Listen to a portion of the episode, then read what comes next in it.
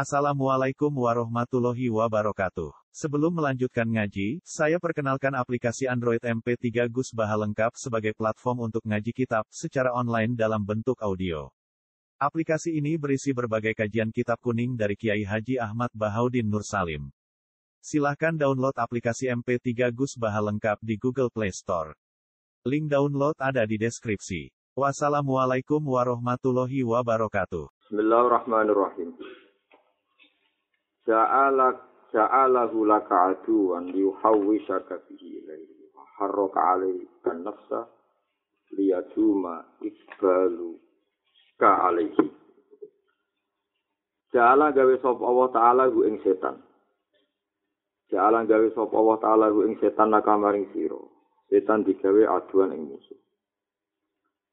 Liyuhawwisaka supaya meksa sapa Allah. Marakno sapa Allah maksudnya mengarahkan sapa Allah ka ing sira bihi kelawan setan Allah ngarahno meksa ilahi maring Lek kowe diparingi di musuh setan, gara-gara di musuh setan kowe kepeksa golek tempat lari. Nah, tempat lari ora ana liya kecuali Allah Subhanahu wa taala. Di Allah gawe setan hikmah gede kene di musuh, nah di musuh tunjuk pertolongan Allah Subhanahu wa taala. Ini detik dorong kita eling Allah. Waharokalan gerakno sapa wa taala ka ale ka ing atase sira anafsa ing nafsu. Wong duwe syahwat duwe nafsu. Wali adu mas langgeng apa ibalu ka apa madhep sira. Madhep alehi ing atase apa. Allah maringi kowe di nafsu iku apik. Ben kowe tetep madhep ning Allah. Ini masyur. Suatu saat Sayyidina Umar ditanya, apa anda terlintas ingin zaman ingin zina. Iya, apa Anda ingin itu dihilangkan dari Anda? Tidak. Kenapa? Ya malah bagus.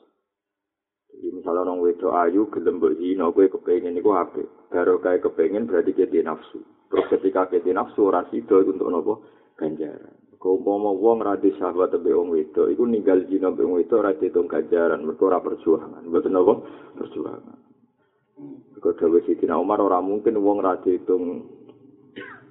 Ora mungkin wong diitung ganjaran mergo ninggal dina mbek watu mbek kayu.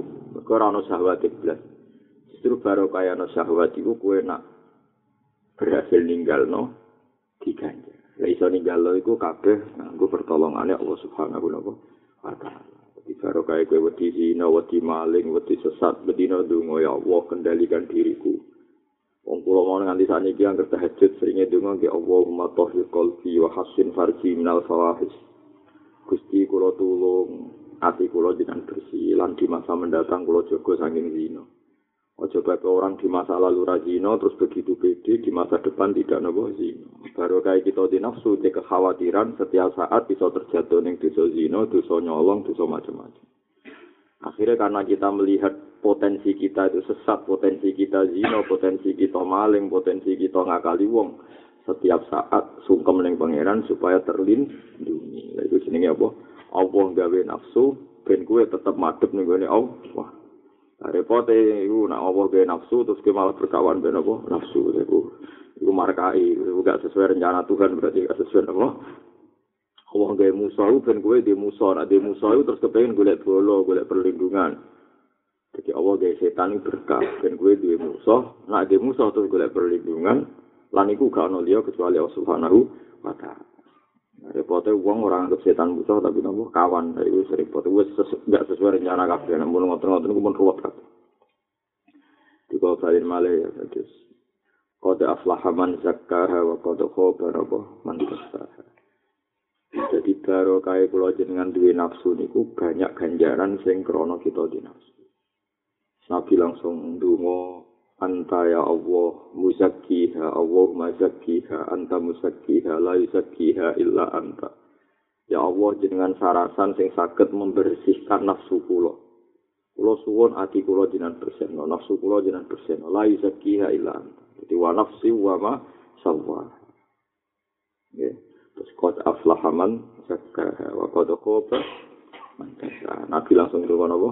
Allahumma zakkiha la yuzakkiha illa anta. Jadi wonten wonten tiyang dadi wali kuwi baru kaya nafsu kata-kata ya baru kaya nafsu. Masyhur tengene hati sohen wonten tiyang terjebak teng gua.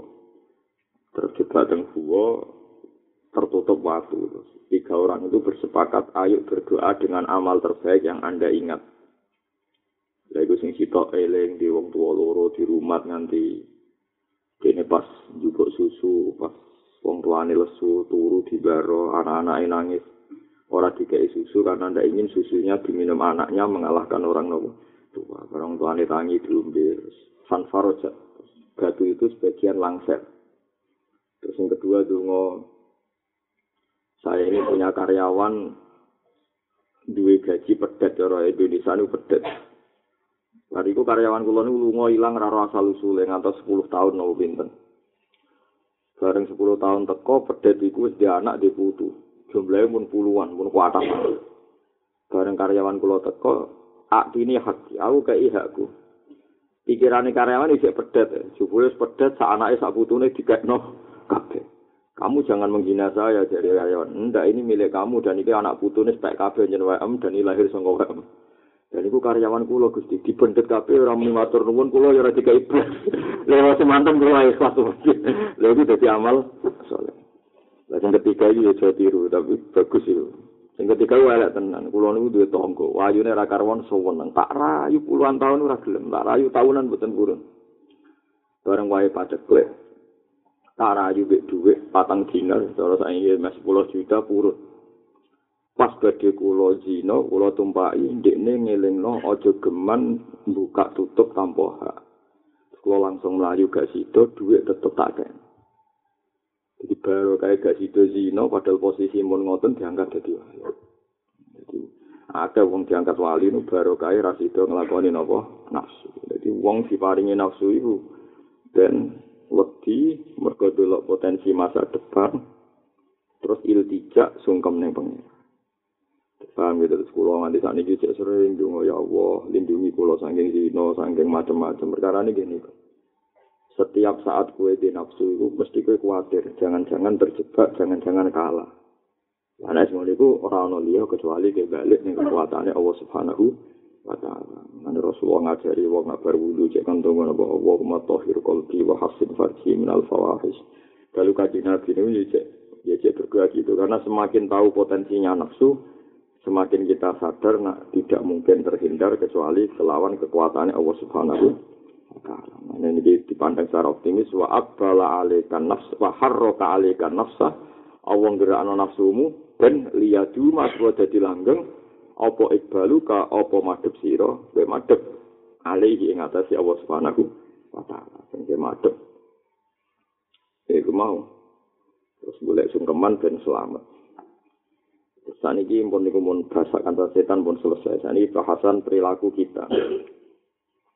Man desa pani wong asbata iku netepno sapa man li nafsihi maring awak dhewe man. Orang yang menganggap dirinya tawaduan ing tawadu, wong sing netepno awake ngrasa tawadu. Fahuwa monggo teman wal mutakabbir wong sing sombong. Hakon kelawan nyata. Jadi wong kok ngerasa awake tawadhu iku wong sombong. Wong tawadhu derajat paling dhuwur. Nek wong ngerasa sopan berarti ngerasa wong paling dhuwur. Mane wong apik sombong sithik-sithik, nek wong ngerasa sopan malah paling sombong. Wong paling nopo? Kaya wong wong kuper-kuper. Ono wong mlete terus ngukumi wong kok mlete ning ngono. Gak ono akhlak terus boyo wong ku kaya aku mesti ning ati terusane ngono. Iku wis mesti.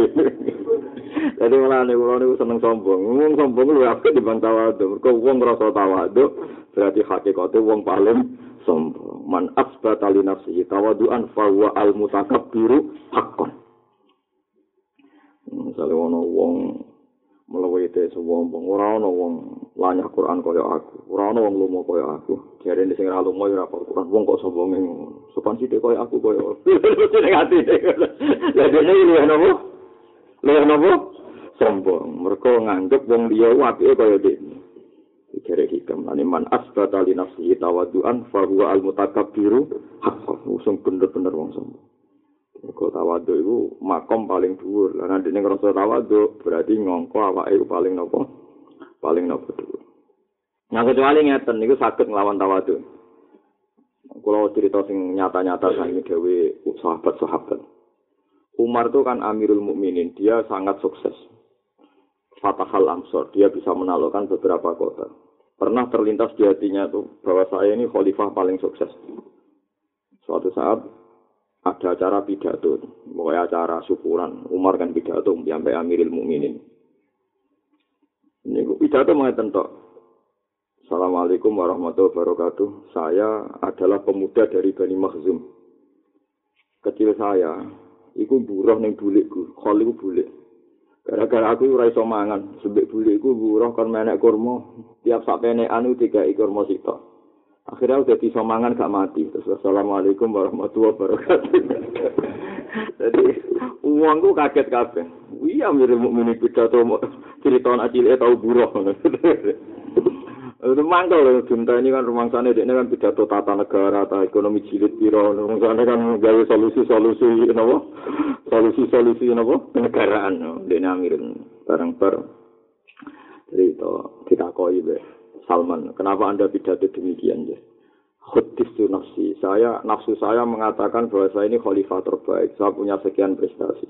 Maka saya lawan dengan cerita-cerita bahwa saya hanya seorang Bani Makhzum yang untuk makan saja saya harus buruh. Yang untuk makan saya saya harus apa? buruh. Yaitu untuk menaklukkan nafsu. Mana wong tahu diutang lu apa, mari tahu itu, tapi itu terus no, ya cukup pisan pintu, semuanya nggak tahu itu, wes, melete ngono, boleh tahu utang, tahu butuh wo. Waktu sampean di syahwat, melete ngono, masa cobaan, serbanan, orang itu ya syahwat. Tak jadi ngono itu apa, ben marai tawa, tawa. Ngono kok ngerasa tawaduk gue komentari mau pulau alim sombong, pulau apal Quran sombong, pulau suka sombong. Nanti ini hukum wong sombong nanti jadi hakim pemutus bahwa orang sombong tidak itu dia sombong. Uang gak jadi hakim tertinggi, yang mutus wong dia sombong tahu, tahu itu apa? Sombong. Lah iya, nah ketika anda memutus wong dia sombong, wong kok sombong ngono. Berarti anda ini seorang hakim besar yang menfonis bahwa itu sombong ini ndak. Memposisikan hakim sombong ke Wong kok tukang evaluasi terus dia kayak keputusan. Terus dia koyo hakim sing memutusno iku sombong iku ora. Dia sapa ora pangeran rasa kok sing mau iki sombong iki. Mulane man asbata li nafsi tawadu'an fa huwa al mutakabbiru haqqan.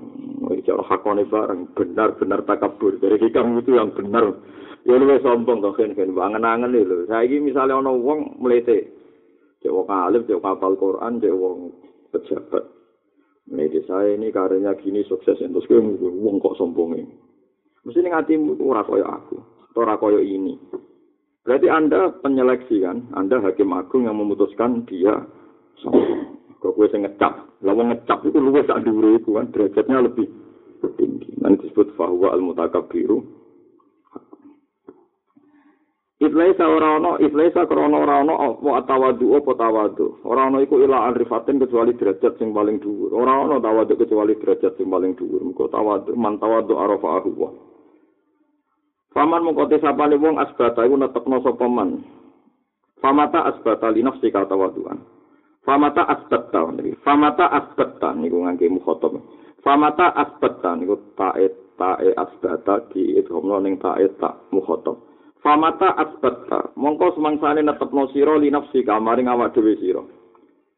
Kowe netepno tawadu aning tawadu.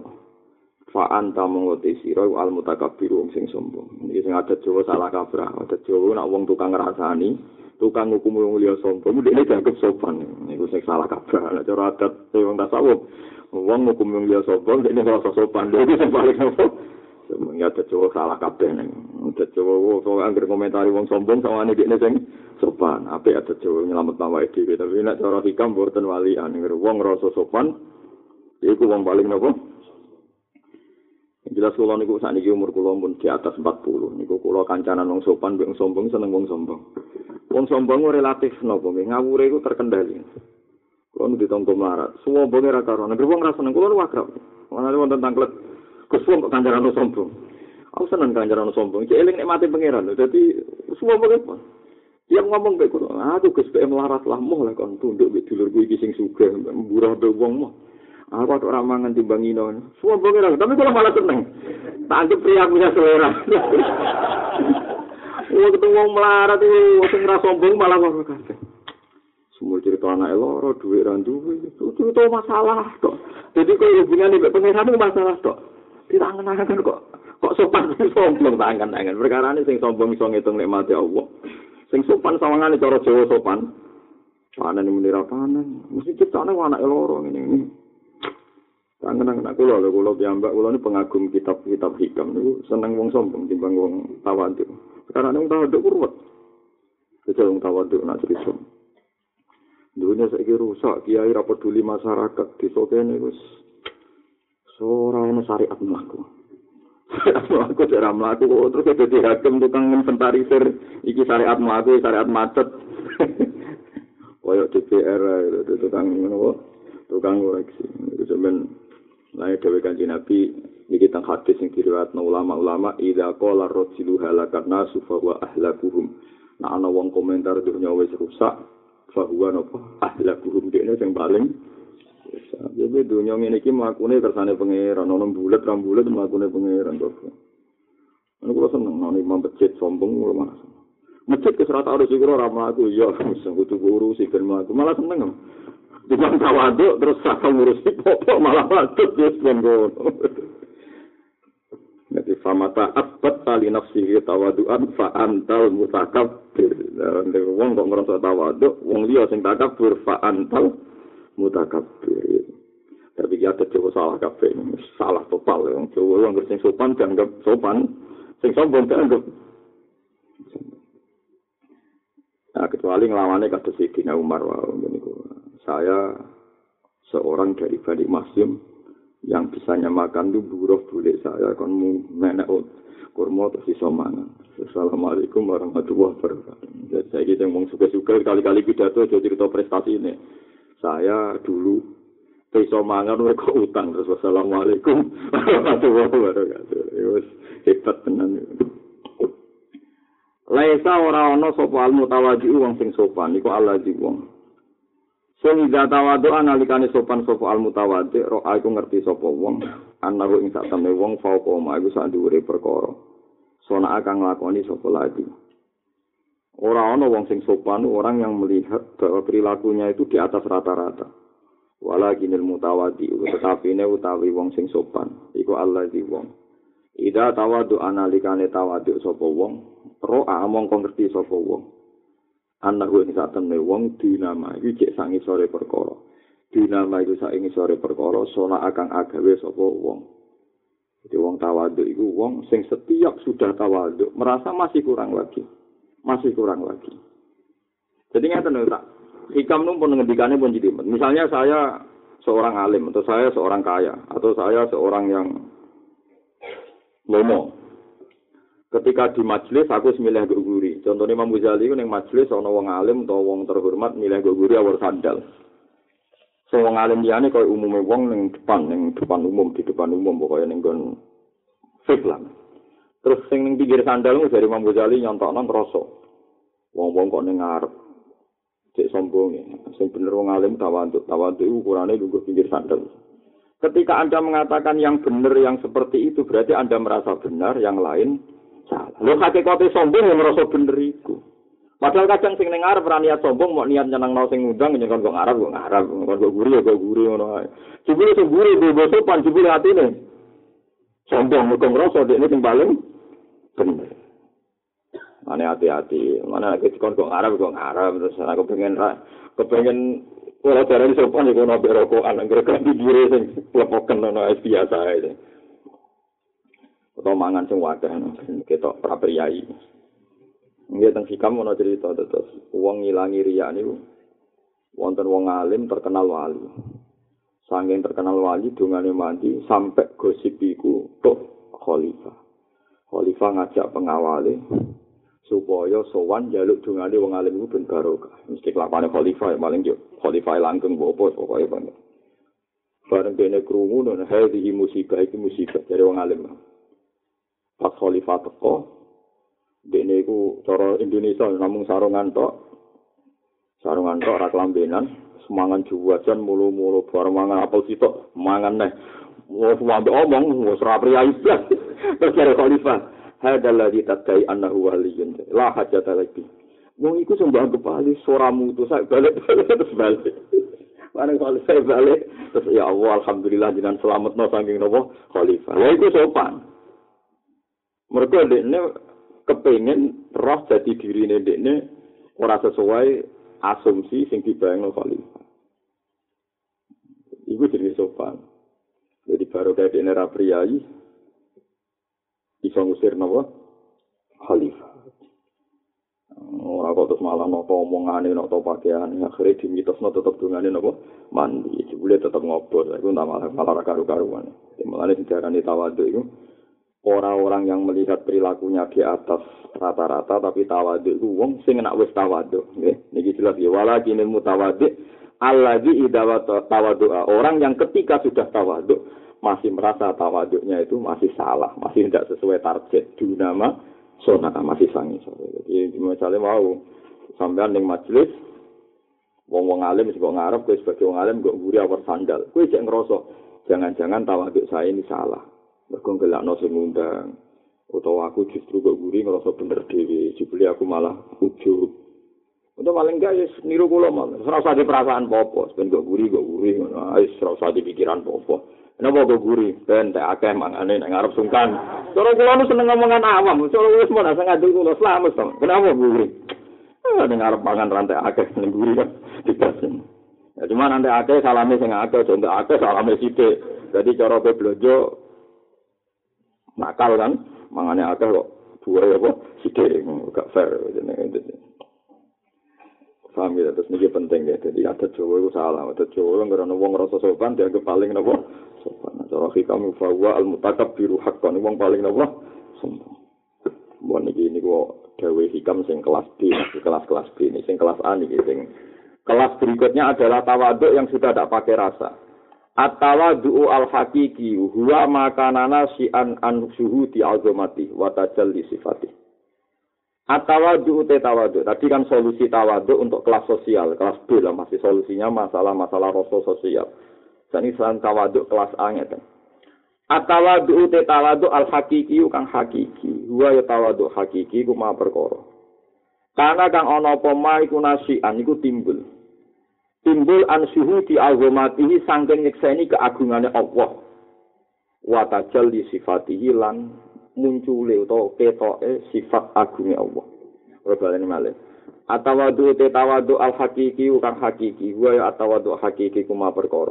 Kana kang ana apa ma iku nasian iku timbul utawa tukul an syuhudi azamati saking nyekseni keagungane Allah. Wa tajal di sifati lan muncule sifat Allah. Nah, ini pun buatan bangku perhitungan sosial, pun ngangge. Jadi misalnya ngatain ya, menurut saya, misalnya pulau roh maling, maling ora wong elek. Murah maling, perasaan kula niku ya Allah. Kok wonten tiang sing ditetir dadi maling. Wonten sing jenengan tetir dadi kula ora maling. Apa niku midik elek wis ra iso. Suatu saat saged mawon kula dadi maling. Utawa anak putu kula dadi maling, utawa wong sing tak senengi dadi maling. Mergo ora ana wong mukmin sak donya illa bena asbu'aini min asabi rahman.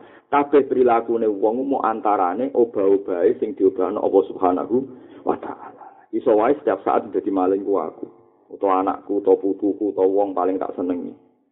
Jadi langsung tawadhu langsung delok keagungane Allah sing iso mulak-malik keadaan. Kira wong melarat, buruh, ape mangane ngenteni buruh kuwe nata selokan, ape mangane ngenteni buruh nata selokan buak-buak sampah. Kowe sombong numpak mobil iso lomo ngamal ning masjid bari itikaf pisan. Kowe muni alhamdulillah kula suka cek seneng agama oleh. Tapi ketika delok wong melarat kudu pikirane iso wae setiap saat keadaan berubah. Iku saking agunge Allah wong ra iso nuruti selerane. Kepengin apik dadi elek kepengin juga dadi melarat. Dadi sembok sekseni agamae pangeran Kowe ora usah diperhitungan sosial macam-macam pokoknya kabeh keadaan nunjukno agamae Allah Subhanahu wa taala. Dan misalnya ana wong dadi maling, jadi inilah ya ora kepengin dadi maling. Mau kersane Allah sing dadekne dene. Ana wong larat, jadi inilah ya ora kepengin dadi maling. Tapi tetep lah, iku nunjukno kalah ambek kersane Allah Subhanahu wa taala. Iki sing nak ngaji dadi kiai ana murid ngaji rapati iso mas. Inilah ya kepengin ora kok ora iso ya. Tapi dipaksa kalah ambek kudro pangeran tetep ora iso. Wis kabeh kersane Allah, kowe kudu tunduk. Kadang kowe maksa murid iso ora krana ben iku iso, mergo kowe isin dadi gagal murid ora iso. Dadi jebule kowe som sombong, kowe kuwatir dari kiai atau sukses. Jadi wong hati-hati. Jadi kadang ana wong maksa murid sukses. Ora kok kepen murid sukses, bendene darani sukses dadi kiai mergo murid sukses. Tak kabur. Wis kabeh kersane Allah, mau kita ning dunya mau nyekseni agama mati azumatillah ya tanazzalul amru bainahunna lita'lamu anna allaha ala kulli syai'in qadir wa anna allaha qad ahata bi kulli syai'in ilma. Dadi dunya iku molak malik iku mok ben kowe roh nak kabeh iku kersane Allah nak Allah ala kulli syai'in qadir. Iki kita pokoknya boleh Nabi Uzair oleh falam mata bayyana lahu qala alamu anna Allah ala kulli syai'in qadir. Ngurus masalah jelas wis kita ngerti nek Allah ala kulli Iku tawaduk tenan. Wae tawaduk hakiki mergo kowe nyekseni kudrohe apa. Mergo kowe nyekseni kudrohe apa? Kulo waca teng sarah nggih ben nika ada Jawa ben ora ada Jawa parah. Angger wong sing ngrasa sopan terus dianggap napa? Sopan. Qalal Junaid niki teng sarah niku nomor 1, 2, 3, 4 nggih. Niku empat baris sangka atawadu al-hakiki. Nggih empat baris sangka atawadu al-hakiki 1 2 3 4. Qalal Junaid mun kembali. Contoh nih dalam kurung atawadu al hakiki ini garis empat ya satu dua tiga empat. Mohon kembali kalau junet nih. Mohon ya. Kalau junet radhiyallahu anhu. Atawadu inta ahli tauhid takabburun. Atawadu tekang aran sopan tawadu inta ahli tauhid menurut ahli tauhid itu takabburun. Itu jenenge sombong. Jadi wong sing ngerasa tawadu, itu ngerasa bener dhewe itu kenapa? Sombong. Tadi Imam Junaid sing ngendikan, Qala Syekh Abu Hamid radhiyallahu anhu, wala Allah muradahu annal mutawaddi ayusfitu nafsahu, summa yadauha. Wal muwakhid la yusfitu nafsah, wala yaruha syai'an hatta yadu'aha aw yarfa'aha. Iki makom papan atas. Oh sing wau kan kula ngomong niku kelas B ini sing kelas A. Maksudnya ngeten iki. Ini rumah anak tenan gitu, sampean bayangno kabeh kersane Allah. Misalnya kulo, eh contohno awak kawan. Kulo delok koruptor, ya koruptor terus wong kok ngurupsi duit negara wong kok elek ngono. Kemudian dia merasa sopan. Alhamdulillah aku dilindungi. Songko jadi koruptor songko jadi maling. Kemudian dia terus merasa suci karena dirinya terhindar dari maling dari korupsi. Nah berarti dia sibuk memikir dirinya sendiri sehingga dirinya itu diangkat atau diturunkan. Walhasil dia terobsesi mensifati dirinya selamat songko maling selamat songko zina. Obsesinya begitu Nah, al-muwahhid sejati, al-muwahhid sejati, ahli tauhid sejati itu tidak memikirkan dirinya sendiri sehingga perlu diangkat atau perlu diturunkan. Hatta ya doa awyar Muwahhid yang sejati adalah delok alam raya iki melakukan mau kabeh kersane Allah Subhanahu wa taala. Jadi melalui maksudnya sebut ini dawu ini pun papan atas ya dawu wala Allah muradahu anal mutawadi'a yusbitu nafsah. Ya, sumaya doa ditawadukno. Wal muwahhid la yusbitu nafsa. Orang yang tauhid sejati itu tidak melihat dirinya sendiri. Wala yaro hasean dia lupa dengan dirinya hatta ya doa ya ora perlu diinakno au yarfa'a utawa diung diang angkat. Wae apa wae semuni subhanallah, sesera apa wae Allahu akbar. Ini pun tawaduk kelas berat, ini pun kelas A, ini pun buatan kepikiran. Uh, dia tidak punya kepentingan ngukumi orang lain, tidak punya kepentingan apa-apa. Mau anak ngerti kudrai Allah Subhanahu wa taala. Lan iku jenenge tawadhu hakiki. Tapi nak tawadhu isih nganggo perhitungan sosial, iku jenenge takabur cara sinten Abdul Qasim Al-Junaidi.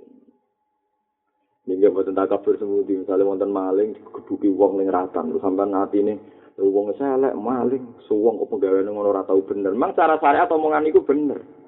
Tapi cara hakikat, lha rumang samu ngono iku kersane sapa? Kue lah iso ngene iku nek Allah ngersakno pira wae nek Allah molak-malik atine wong. Ana wong sing harmonis ngene-ngene sawangane ra bakal pegatan. Watu trondo nu ilang gedeng bojone sing molak-malik ati sapa. Ya mulane sampe nabi sing nabi mau ndonga ya muqallibal qulub faqit qalbi ala dini. Gusti kula paringi mati iman mati Islam sampai sahabat itu janggal. Ya Rasulullah anta anta jenengan terus ndonga kepengin Gusti Khotimah jenengan kepengin supaya atine tetep Islam.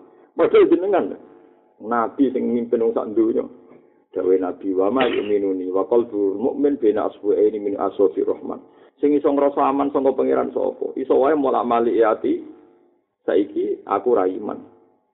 Akhirnya kiai sak dunya dengar ya mukallibal qulub sabit qalbi ala dini. Jadi yo sing rasa. Kalau di konco ini cerita nyata, ini dari si kiai itu khane kenteng kopiat saja kenteng. Bareng sepuluh tahun ngiai tetap melarat, tetap ruwet. Pulau gini ada janggal itu. Jebul tawakalku ora gunane ta ora. Tahun tetep napa? Tetep napa melarat. Iku lek jaja iki nek ben rezeki makeh rasa duha, ya rasa kopi, rasa badia salat fardu tok. Bariku ngamun timbang salat kok kompensasi ana dadi dhuwit selerene ya. Ya perkara ning ngoten niku kita iku ora roh. Kita iku ora roh sing dikersano Allah. Mulane iki ilmu hikam wis ilmu kelas berat tenan. Dadi tamu tawati hakiki wis sing ora roh awake.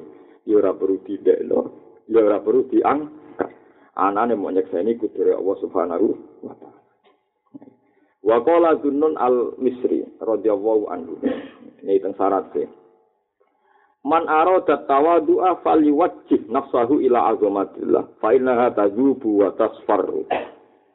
Man desapane wong dhewe ngersakno sapa man atawadu ing tawadu. Wong sing kepengin tawadu wis gampang fal wajib.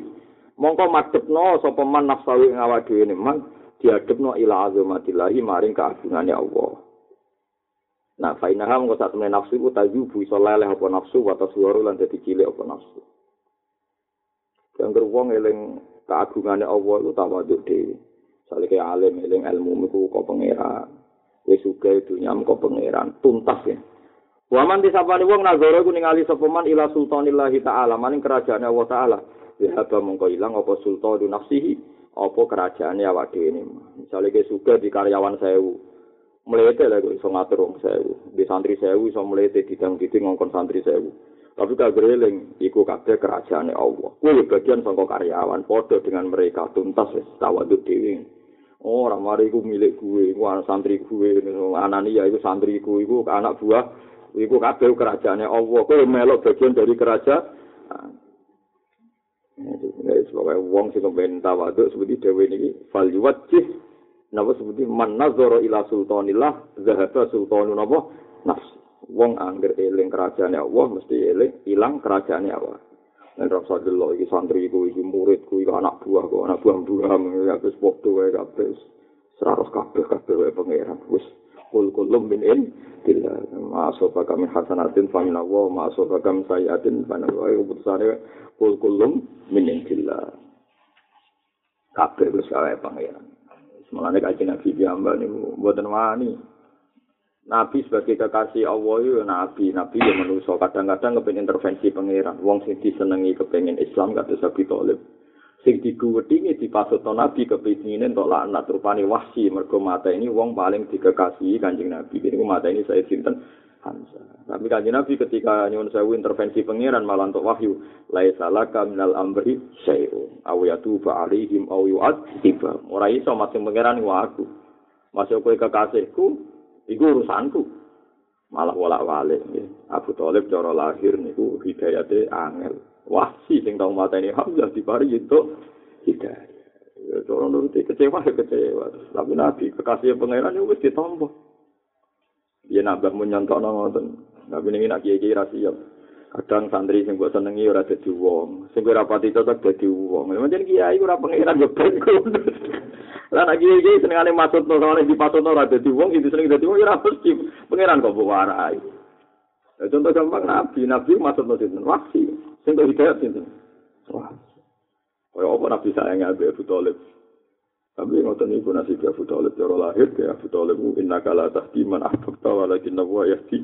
Maya. Saya semua Sebenarnya kan ada murid itu santri di anak buah itu iku ya melok bagian dari kerajaan Allah. Lah aku ketua satpam ngono ae semua dadi rasa plete-plete dadi kan ada karyawan sewu. Iku ya bagian kerajaan Allah. Lah kok majikannya? ya mesti ana secara teori manajemen kudu ana ketuane satpam padha lagi aku iki ketuane jadi paham ya terus iki tawaduk sing hakiki wis pokoke nazar ila sultanillah mesti dhahaba sultanu napa nafsi li anna nufusa krana sak temne pira-pira nafsu kula sakabehane nufus hakiratun iku dadi ino intahibati ana ing sanding wibawane pangeran wa min asrafi tawadu Allah yang zuro ila nafsi duna wa ta'ala lan Wa min asyrafit tawadu ilan iku setengah sangking mulya mulyane sifat tawadu Allah yang juro ingin to ora ningali sapa wong ila nafsihi maring awak dhewe ne wong diuna wahi ora kok nglibatno Allah Subhanahu wa taala. Jadi tawaduk paling dhuwur iku kowe ora usah delok. Misale kono kecopet digebuki, kowe ora usah mikir, alhamdulillah aku selamat. Wis ora usah mikir kowe selamat ta ora, pokoke kabeh kersane Allah ora usah intervensi. Iso wae sing saiki digebuki sok ben dadi wali husnul khotimah. Sing saiki sing gebuki sawangane sok suci, iso wae sok ben dadi tukang maling suul khotimah. Ora ono sing cuma, enak soal gue, tapi ini menegakkan syariat ya, syariat gue ora ya ras pokoknya ngene iku. Misalnya si nyolong pacaran gue kebuki tau ora. Iku mergo gue ono wong nyolong plus kira kenal. Jadi ngeten kalau warai ini. Orang yang sok syariat itu pasti diuji Tuhan ketika yang tersangka itu saudara Anda atau anak Anda atau pacar Anda. Di global ini malah. Nabi Ibrahim mulai melaku-melaku teng alam malakut. Cerita ini ada di kitab hikam ini, kitab ini sekarang. Ketika dijak melaku-melaku pangeran teng alam malakut, ono wong sing di sini.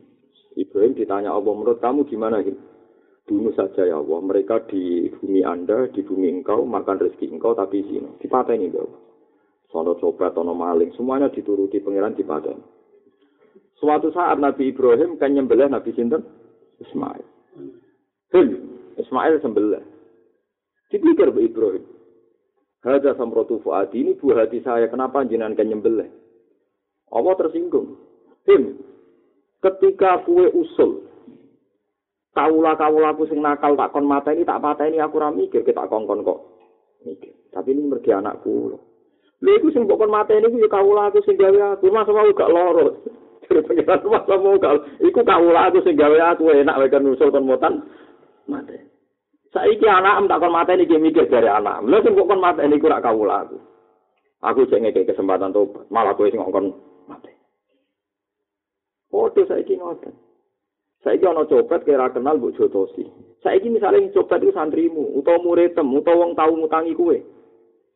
Kowe kan ora terus duwe semangat negakno syariat. Mergo ana rasane, mergo keluar.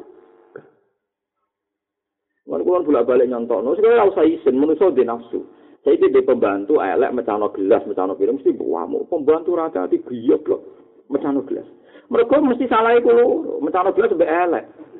Itu mesti salah loh. Saya itu di pembantu wayu, gue seneng. Terus mecano gelas, mesti. Wes mecano kabeh apa mesti kan mereka. Nah itu bukti ketika anda munamuni negak no syariat ini mereka plus gak kenal, plus gak kenal. Ya ono cawe itu numpak GL Pro atau numpak Ninja, kuatok ancokak ngalor ngidul melayu. Mana iso po ora saya Tapi nak cai ayu seneng kue, kue ya seneng. Gusti rahmat jalan jembar. oh ora munafik. Padha keliru, ini padha buka aurat tengah dalan, sitok jare dilaknati, sitok jare rahmat Allah. Jembar piye sing jembar piye sing support Tetep nasumu iku ono intervensi. Dak sithik-sithik meneng tegakno apa? cari ilmu mu sepiro. Mana Nabi Ibrahim dieling, lo padu merana em, mana Ibrahim dieling pangeran. Kue nganti ngongkon mata ini mergo urana em rasa anak kadang sehingga kue semangat kon mate. Apa mana em mikir, nyatane kita kon nyembelih mikir. Karena alasan Nabi Ibrahim, mergo ini anakku, lo kunci masalah kan menurut pangeran tahu lagi urusan tak kongkon aku.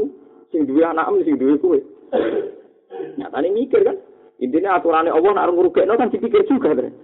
Loh, anak kula Gusti. Jadi orang nggak siap menegakkan syariat nak korbani dirinya sendiri. Mana Allah nyindirku nukawa menadillah suwada bil kisti walau ala anfusikum. Kena wani adil tenan walau ala anfusikum mesti ini awakmu dewe ya bu adili. Walau ala anfusikum awil walidaini wal akrabin. Iya kun ghaniyan aw fakiran fa wa awla nabo bihima fala tatabul hawa anta angel urip. Iku lo bali malih. Dadi kowe nek ana karyawanem salah. Wis kamane ngeten contoh paling gampang. Kula janjian di Ruhin, sampai itu kudu ketemu. Paling sampai itu santai ini Ruhin rata kau terampak mesti ngomong, oh Ruhin saya janjian gak tepat. Mesti salah Ruhin kulo, gak tepat plus aku ora diutang Ruhin. Wes mesti ono tambahan plus gak diutang. Saya kalau diutang Ruhin 10 juta, wae kita agek. Bareng janjian be aku Ruhin rata kau. Wes ora usah sepuro aku wedi. Nyalahno kita akeh malah repot. Mesti ngono manusa. Wes ora usah munafik. Mulane ana wong kok kanthi dikerengi wong mesti jasane kurang akeh. Wis mesti. Misalnya aku janjian mbek wong, sing angkat aku dadi PNS. Wah, mbok salah koyo apa, ora kepengen ngamuk. Wong sing angkat. Mane karyawan-karyawan wedi be atasan, wong sing angkat dadi PNS ku pimpinane kok. Bariku pimpinane salah, wis salah sithik-sithik sepura-sepura, urung sepura wis disepura. Lha iku menungso, menamuni negakno syariat, gledek jebule yo duwe kepentingan pribadi. Semolane ora usah ngono-ngono, nang tawak ora usah mikir ngono-ngono. Ya, jadi salah ruhin itu ora tepat waktu plus aku ora diutang dia.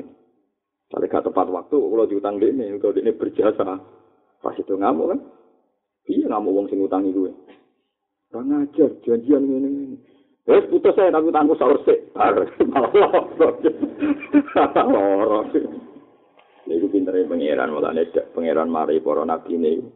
Nabi Muhammad itu cara lahir diparingi diutang.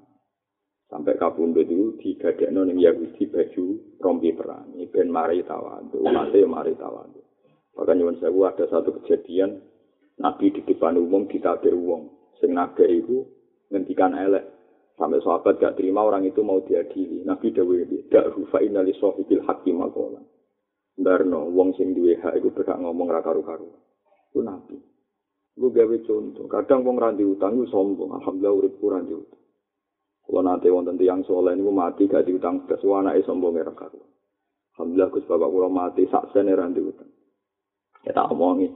Ya ranti utang tapi di masalah akeh. Perkara anak anak sombong. Umatnya Nabi, uang akeh wong soleh mati diutang ya Nabi pas kabudut jadi diutang. Itu aneh-aneh wae. Kok bapakmu disiksa perkara ini sombong kemam ini. Wah, lu nangis jadi waduh kok ngono. Cek ngono, cek ngono, sing ngono ayo.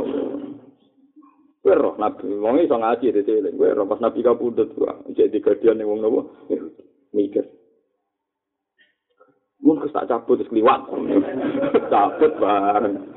Ya saya nak mati-mati dong ada di sepuro no sok no bangga ada utang barang biasa standar yang karena musinan pasti bisa nih nak musian ya sepatah jawab andu biasa air usah bapak mati mana nih raja bekan wes rasa omongan dondin dia Kan kula kan imam iso. Wah.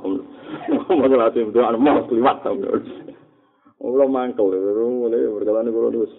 Wah anggere tawaduk hakiki wong sing mau nyekseni kudrohe Allah. Allah iso wae kuwasa nyepura sing diutang. Ya kuwasa wae sing ora diutang malah cingel-ngel. Perkarane sombong kita ora roh. Bener kanjeng Nabi, wa ma yu'minuni wa qalbur roh wa qalbul mu'min baina asbu'aini min ashabir rahmat. Aku kok ngerasa aman saka siksane Allah iku piye? Wong kabeh kersane Allah. Mulane aku yo ngrasa ora mesti slamet sampai aku donga ya mukalifal kulub tapi kalbi ala. Tapi omongan ini rawan fitnah.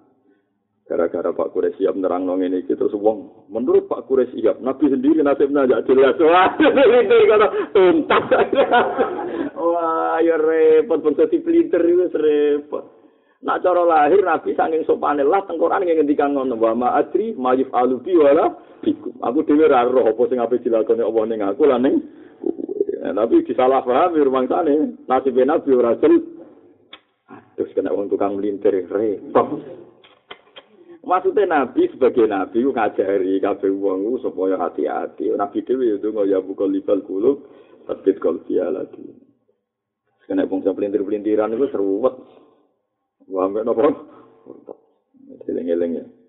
Jadi tawaduk hakiki wong sing namung nyekseni kekuasaan Allah. Terus do kuatir dhewe dhewe. Yen apa ya tanazzalul amru Bina hunna di ta'alamu anna woha ala kulli syai'in qadir wa anna woha qad ahata bi kulli syai'in ini gua wahsi sing dimaksud nabi jadi wong mukmin.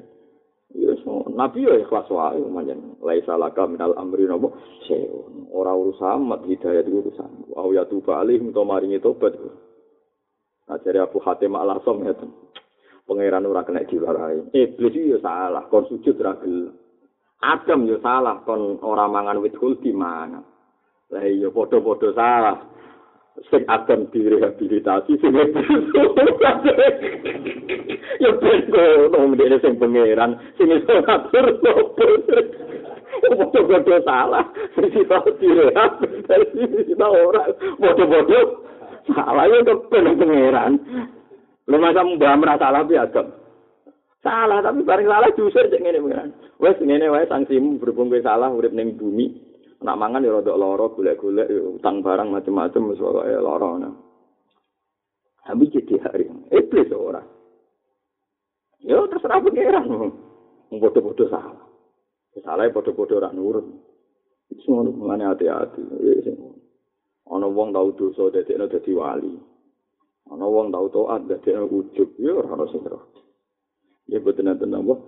Ana cerita tengene hati soha malah ngeri meneh ana dua bersaudara. Sing sitok wamen ibadah terus sitok men turu ora tau salat. Angger tiap digugah kak kak eleng pangeran. Turu. Tapi mangkat sedangkan wali ku sing turu-turu. Tiap dielingno salat. Angger dielingno bolak-balik. Apa kowe entuk mandat kok pangeran to amen ngelingno aku. Jadi malah jaga dadi wali ku sing sing turah-turu. Sing sok suci malah ora. Perkarane pangeran tersinggung mandate itu dicatut. Perkarane wong kok nyatet namanya pangeran sini-sini. Nah cerita itu ora serem. Paling serem tentang hadis muslim wonten tiang sujud tidak preman. Tidak preman terus premane wau nggih preman tenan. Sing sujud wau sumpah wawahi orang seperti Anda tidak akan dimaafkan Allah. Muni wawahi semari salah muni wawahi. Pangeran ngutus ning Nabi saat itu. Ini itu hadis Muslim, sampean golek itu bab ujub. Bilang ke orang yang sujud itu, dosanya preman tak ampuni, dosanya dia, amalnya dia tidak saya terima. Kenapa ya Allah? Karena dia mencatat nama saya, bahwa saya tidak bisa memaafkan preman itu. Anal ghafur, saya ini pemaaf. Gak iso aku dicatat raba kali so maaf dong. Premane tak sepuro. Kok iso dek makili nama aku dari aku kali nyepuro. Kok penak nyifati aku raba kali so sepuro. Anal ghafur rahim aku pangeran sing iso nyepuro. Malah disifati. Bahaya lu ngatas nama pangeran. Presiden dicatat era terima mana pangeran. Enak wewe. Lu iki kan kurang ajar kan keliru kan. Bagaimana bisa dia mensifati Allah? La yaghfiru wa Allah ora nyepuro kowe. Lu sifat ra nyepuro kok dene tempel nang pangeran iki wong pangeran maklumat no zate wa rahim kok malah dicatut disifati ra iso apa? Nyepuro. Allah langsung mari wahyu Nabi saat itu. Tandani jaiku, kok nyatut nama aku ora iso nyepuro. Aku nyepuro dene, nyepuro preman emang. Mungkin nak mangkel wong muni jancuk kowe, lha wis menengah muni jancuk kakek ale kuwi apik. Timbang sok sakal muni. Oh, ora iso nyepuro kowe lho, malah nyatut malah gue mana kalau seneng gue bisa diwacuk tenan cek apa lah ringan netral bahasa Enggak bener aku mangkel dia semuanya malah enak gue bener sih kulo nih kaman dulu nih sofa muslim sekali lu nak gue angen-angen ya bener toh bagaimana mungkin dek nem darah ini allah orangnya puro dek ini lu orangnya puro puro sifatnya pangeran kayak pangeran kok dek muni Lan pangeran tersinggung, manggal la dia ta'ala ala fulan, Allah afirolah, kot gofartulah. Sopo sing sumpah-sumpah atas nama aku, aku reso nyepuro. Tak sepuro dek ini. Tuntas. Kaya apa Khalid bin Walid? Mata ini Islam paling akeh Khalid bin Walid pas perang Uhud. Dek ini panglima. Kabeh wong masuk no Khalid bin Walid. Tapi malah masuk no Wah, akeh sahabat orang ini Khalid di seneng. Mana Khalid prestasinya akeh lah, masuk kandidat khalifah. wong cek mangkel. Dari bapakku bakri kancane, mlebu nominasi wae ora. Itu be Umar, dia mantan preman lah kan gak menangi perang dia. Dia masuk Islam sebelum periode hijrah. Jadi korbannya lah tahu dia, wong Islam lah tahu jadi korbannya Umar. Korbannya Khalid. Wah, mulane dari Khalid. Aku soleh lah, serah masuk nominasi apa. Khalid mau bisa mangkel. Memiku kotilu abu semateni bapakku, semateni kancaku. Mulane kula nu kiai sing jarang ngalem Khalid, mergo kula ngerti sahabat iki gelo kathah. Mulane kula jarang pidato cerita no prestasine Khalid sing cek ketemu. Perang Uhud wong Islam kalah, iku panglimane wong kafir to. Khalid bin Walid. Itu sebenarnya orang ini dia itu sih mata ini kis, mata ini. Tapi dia nama Islam. Mulane Khalid bin Walid itu kandidat khalifah. Mulane Umar itu pas dia ini jadi khalifah, Khalid bin dipecat sama panglima. Ketakoi. Kenapa gue pecat? Wes tak menengah. Ketakoi. Karena orang Islam sih gak berkenan, itu aja. Tapi pangeran. Wong kafir wis kafir, mateni wong Islam, berarti sebabnya kekalahane Islam yang pernah Uhud, malah diparingi. Tidak. Piye? Kira iso ngatas poni pangeran. Khalid ra bakal disepuro Allah. Kok mau tersinggung lho, sing pangeran kuwi tak aku. Semalane nara cocok muni janjuk ini mun sedengan temen Ini kakek aneh ini sedengan ora kok kula ngajari janjuk timbang mbok empet dadi udun wis salah. Pokoke sing penting ono omongan terus ora nyatut pangeran, paham ya wis soe ngono. Syukur-syukur wis ora usah muni ngono, syukur-syukur ya tapi abot biasane niku. Gak lego, gak lego. Sanut pangeran. La yuhibbu wa jahra bisu imnal qawli ilaman pangeran ge kisna ilamang dolim. Dadi ana sahabat dipsoi janjuk. Terus sahabatnya males jancuk. Disalahno wong akeh dari pangeran ora apa-apa. Allah ora seneng ngomongan elek kecuali wong sing dizalimi. Nek iku oleh bales sak kada misalnya jancuk kowe, kowe jancuk oleh. Tapi nak jancuk kowe, kowe jancuk ora oleh. Makanya itu pas. Itu apa? Pas. jadi pokoknya nak jancuk pisan ya jancuk bisa. Jancuk video video iku cek dimaklumi ilaman dulim kecuali wong sing di jadi oleh males pas iku oleh. Yang disebut sebagian ayat ngidakna wa ina aqabtum ya fa'atibu bimithli ma uqibtum bi. Tapi wala in sabartum la wa khairul lisabirin. Jadi kena nyiksa musuh ya pas. Misalnya kita dituwapuk pok raimu, ya oleh males pas rai. Ojo kok dituwapuk sikil males rai, susuk iku ora oleh. Wae pokoke kudu pas, kudu apa? Pas wa ina aqabtum ya fa'atibu bimithli ma uqibtum bi.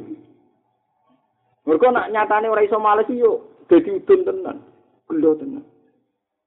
Kayak wong tukaran mbek bojo. Oh, nek ora males malah dadi dene males sak kadare kudu pas. Malah nang ra bener. Lah kok wedok ora bener. Wis padha ora bener satu-satu wis ono.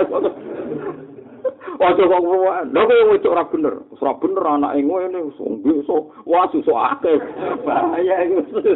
Ora oleh, ora oleh, berarti ora oleh. Paham ya kudu pas nama kudu nama. Ojo nyatut pengiran, ojo kemen nyatut. Jadi teng hadis sohain kula paling wedi maca hadis dadi wonten padahal niku tiyang sujud tiyang sujud diinjek preman terus teng sujud wae muni fa wa la yaghfiru wa lak. Demi Allah kira di sepura pangeran. Pangeran tersinggung kata siapa aku tidak bisa memaafkan dia? Anal ghafurur rahim saya ini pemaaf. Premane tak sepuro. Kowe ora. Kok lucu kan, bagaimana mungkin Allah dat sing jelas-jelas memaklumatkan dirinya ghafurur rahim. Kok mbok sifati ora bakal? Padahal Allah jelas jauh ning Quran, Nabi ibadi ani anal ghafurur rahim. Nabi cerita ana ning kawula aku kabeh, ani anal ghafurur rahim. Meskipun ya wa'na azabi wal azab. Tapi sing fair aja terus Allah mbok batesi ora bakal Nah, kayak bojo yang ngono, aja kabeh. Wong itu orang nurut pangeran, tok laknat kowe. Lu sing iso entuk laknat ra bojo entuk kowe lah ya iso. Wong lanang kriting tok ora iso nafkah iso wae entuk laknat. Enak wae nyifati bojo to ana sing entuk laknat sing wedok kowe ora lho apa pangeran mau iso ngekeki laknat sing wedok ora iso ngekeki laknat sing mesti cara aku sing wedok iso ngaji. Padha wae Allah iso laknati kowe. Rumah sama aku tok entuk laknat. Kowe ya iso. Padha-padha iso dik. Wah, nang ana istighfar bareng ben kan malah rumah sama pangeran iso senengane wong lanang dalil wong wedok dijak sing lanang ora gelem dilaknati malaikat ganti esuk. Iku wis bulan. enak once ada batas sing esuk lah wong ana mas untuk lanat di romi ora batas iku nang lanat terbatas nganti apa esuk bar esuk kan bar ya wong lanang ra napa koi di romi malah untuk apa Angger dadi kiai yang ngono gak maksud no santrimu. Kowe ngwalat aku ora bakal ilmu memanfaat. Lho sing iso la manfaat ora santrimu kok kowe langsung ditegek ilmu gak manfaat blok goblok. penak jadi kiai kok Fir'aun kaya-kaya santrine iso ra manfaat nak dekne mesti pangeran iku pangeran ya suwae ilmu pisan ra manfaat sak kiai ini ora usah ngono. Iki kabeh kerajaane pangeran? Ra kerajaane buam ra kerajaane buyutem Gue yo eling kerajaane pangeran ben wong kerajaannya sendiri hi. Mana rata-rata kiai ngalim mboten ate bakas ngoten. Ceritane murid di prestasi yang menek, ceritane prestasi murid nakal yang menek, meneng kabeh. Gusti ra melok-melok. ben ngono wae jenengan. Kulus.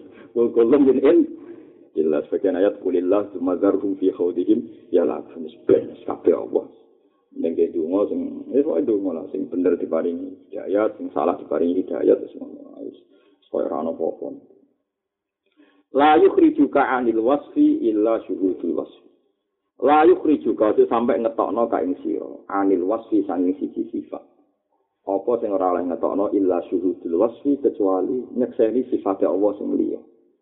Ya jogeman keluar dari satu sifat kecuali mergo nyekseni sifat Allah sing liya. Oh, misalnya kue yakin Allah nglaknati Zaid, perkara ini Zaid maksiat. Kue ya kudu yakin Allah ya duwe sifat ghafur sing iso ngeluarkan Zaid sangka lak sangka napa lak. Saiki kue untuk baru kayak Allah, kue ya kudu hati-hati soalnya suatu saat untuk laknate Allah. Muga fala ya manu makrawahi illal qaumul khasirun. Sing rasa aman sangka rekadayane Allah ku kaum-kaum sing gedhe. Jadi kue aja terlalu pede, nak terlalu pede berarti kue aman sangka makruwah. Tapi kue aja terlalu putus asa lan mutus asa no wong. Mergo putus asa lan mutus asa no wong iku perilaku dia tiang-tiang kafir. Innahu la yasumir illal qaumul kafir. Mane ngendikane kanjeng Nabi iki hadis itu terkenal. Gila niku mau kuf teng Ali. Dawe Nabi Dawe Sayyidina Ali utawa Dawe Nabi didawakan ala unab dihukum bil fakih kulal fakih. Dia tak cerita no wong sing pinter bener-bener pinter. Sinten ya Rasulullah. Sing pinter bener-bener pinter. Ini ku malam yubnitin nas min rahmatillah walam yu'amminhum min mak. Wong pinter tenanan, wong sing ora bikin manusa putus asa sangka rahmat Allah lan tidak menjadikan mereka happy-happy ngerasa aman sangka rekadayane Allah. Mergo ketika Anda yakin ana sifat ghafur, kudune kowe ya yakin ana sifat Allah iku sadidul Mane Allah dawuh napa nabi ibadi anni anal ghafurur rahim. Critakno kawulaku, nah aku ghafurur rahim. Tapi ya critakno juga wa anna azabi wal azabul alim. Tapi siksaku ya siksa sing sangat pedih. Misami lah kata saya inna rabbaka la sariul iqab, tapi ya wa innahu la ghafurur rahim. Nah, kelirune tiang-tiang sufi, tiang-tiang zuhud ketika dilukai tanggane.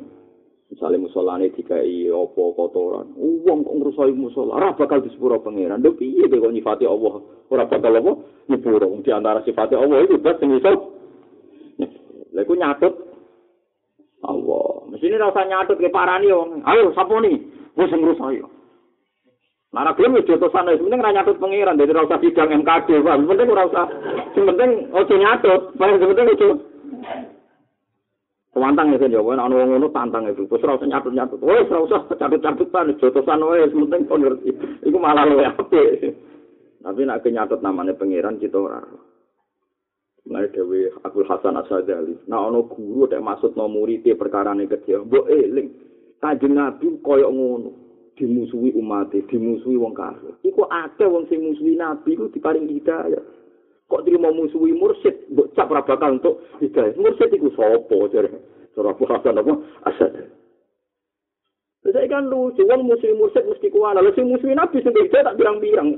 Foto-foto mesti kualat muslim mursid, tak musuhi Nabi ra Nyatanya apa sih itu? Eling ke abe al maksumul akbar dari Abdul Hasan Hasan. Eling ke abe al maksumul akbar. Iku wong wong sing misu ya ke itu ya. Kok gue timo mursid timo guru ke kere karuan. Bicara sisi itu Abdul Hasan Hasan. Ya tapi yo terus kiai kiai rapati siap dengan ngajinya ternyata rapati siap. Ebe berak rumah mesti. Padahal yo nak nafsi musuhi nabi itu hidayat yo. Ya Ya artinya orang kok terus mesti kualat ya ora. Ayo kualat ya ora mesti. Bener ya, bodoh ora mesti ya kan. Tapi mereka kan pede, sing dipasut kok mesti untuk mesti ini lho sing iki. Ya nah cara teori ya potensi, bener apa? Potensi. Wong al maksumul akbar wae sing gedhe kata sing untuk napa? Jika. Al mukminu yushiluhu tana ala wahi an ayyakuna li nafsihi dzakira. Al mukminu utawi wong mukmin iku yushiluhu iku nyibukno hu ing mukmin. Al mukminu ta mukmin yushiluhu iku nyibukno hu ing mukmin. Apa asana ngelem alam wa ing atas Allah taala? Wong mukmin sibuk muji Allah an ayaku nek ento ana sapa mukmin nafsi maring awake mukmin iku syakiran wong sing nyukuri prestasi awake dhewe. Jadi misalnya ana wong mukmin sugih ana wong mukmin dadi wong alim ana wong mukmin duwe akeh iku dekne sibuk muji alhamdulillah. Ketimbang sibuk muji awake dhewe jare prestasine sukses mergawene ulet. Dadi wong mukmin sejati sing sibuk muji pangeran nganti ora sempat muji awake dhewe. Jadi misalnya kaya kue sampai wong sugih. Jadi wong sugih yes alhamdulillah aku sugih alhamdulillah muji pangeran. Lali muji awake dhewe. Wah aku sugih mergo ulet. Oleh ku cash flow-ne apik manajemen ekonomi apik mbam paring marat yo. Wah Apa aja sampai kena suka itu muni koyok korun apa innama uti itu ala ilmin inti. Korun ketika ditanya kenapa anda kaya raya jadi apa innama uti itu ala ilmin inti. Saya bisa gini ini karena ilmu saya banyak bisa mengelola aset saya. Saya bisa kaya gini karena punya ilmu yang bisa mengelola aset. Itu Allah tersinggung. Nah, ini kena suka sibuk ngelam Allah. Kowe alim sibuk ngelem Allah. Kowe dadi wong apik ya sibuk ngelem Allah. Alhamdulillah allazi hadana li hadza wa ma kunna linahtadiya laula ada dana. Sak untuk hidayah ngene kabeh kersane. Ora kok malah ngelem wae. Aku suka mergo ulet. Wis ulet manajemen ekonomi itu bagus. Sehingga ada ada yang bocor sana sini. Bocor dasar. Nah momen sejati semuanya alhamdulillah.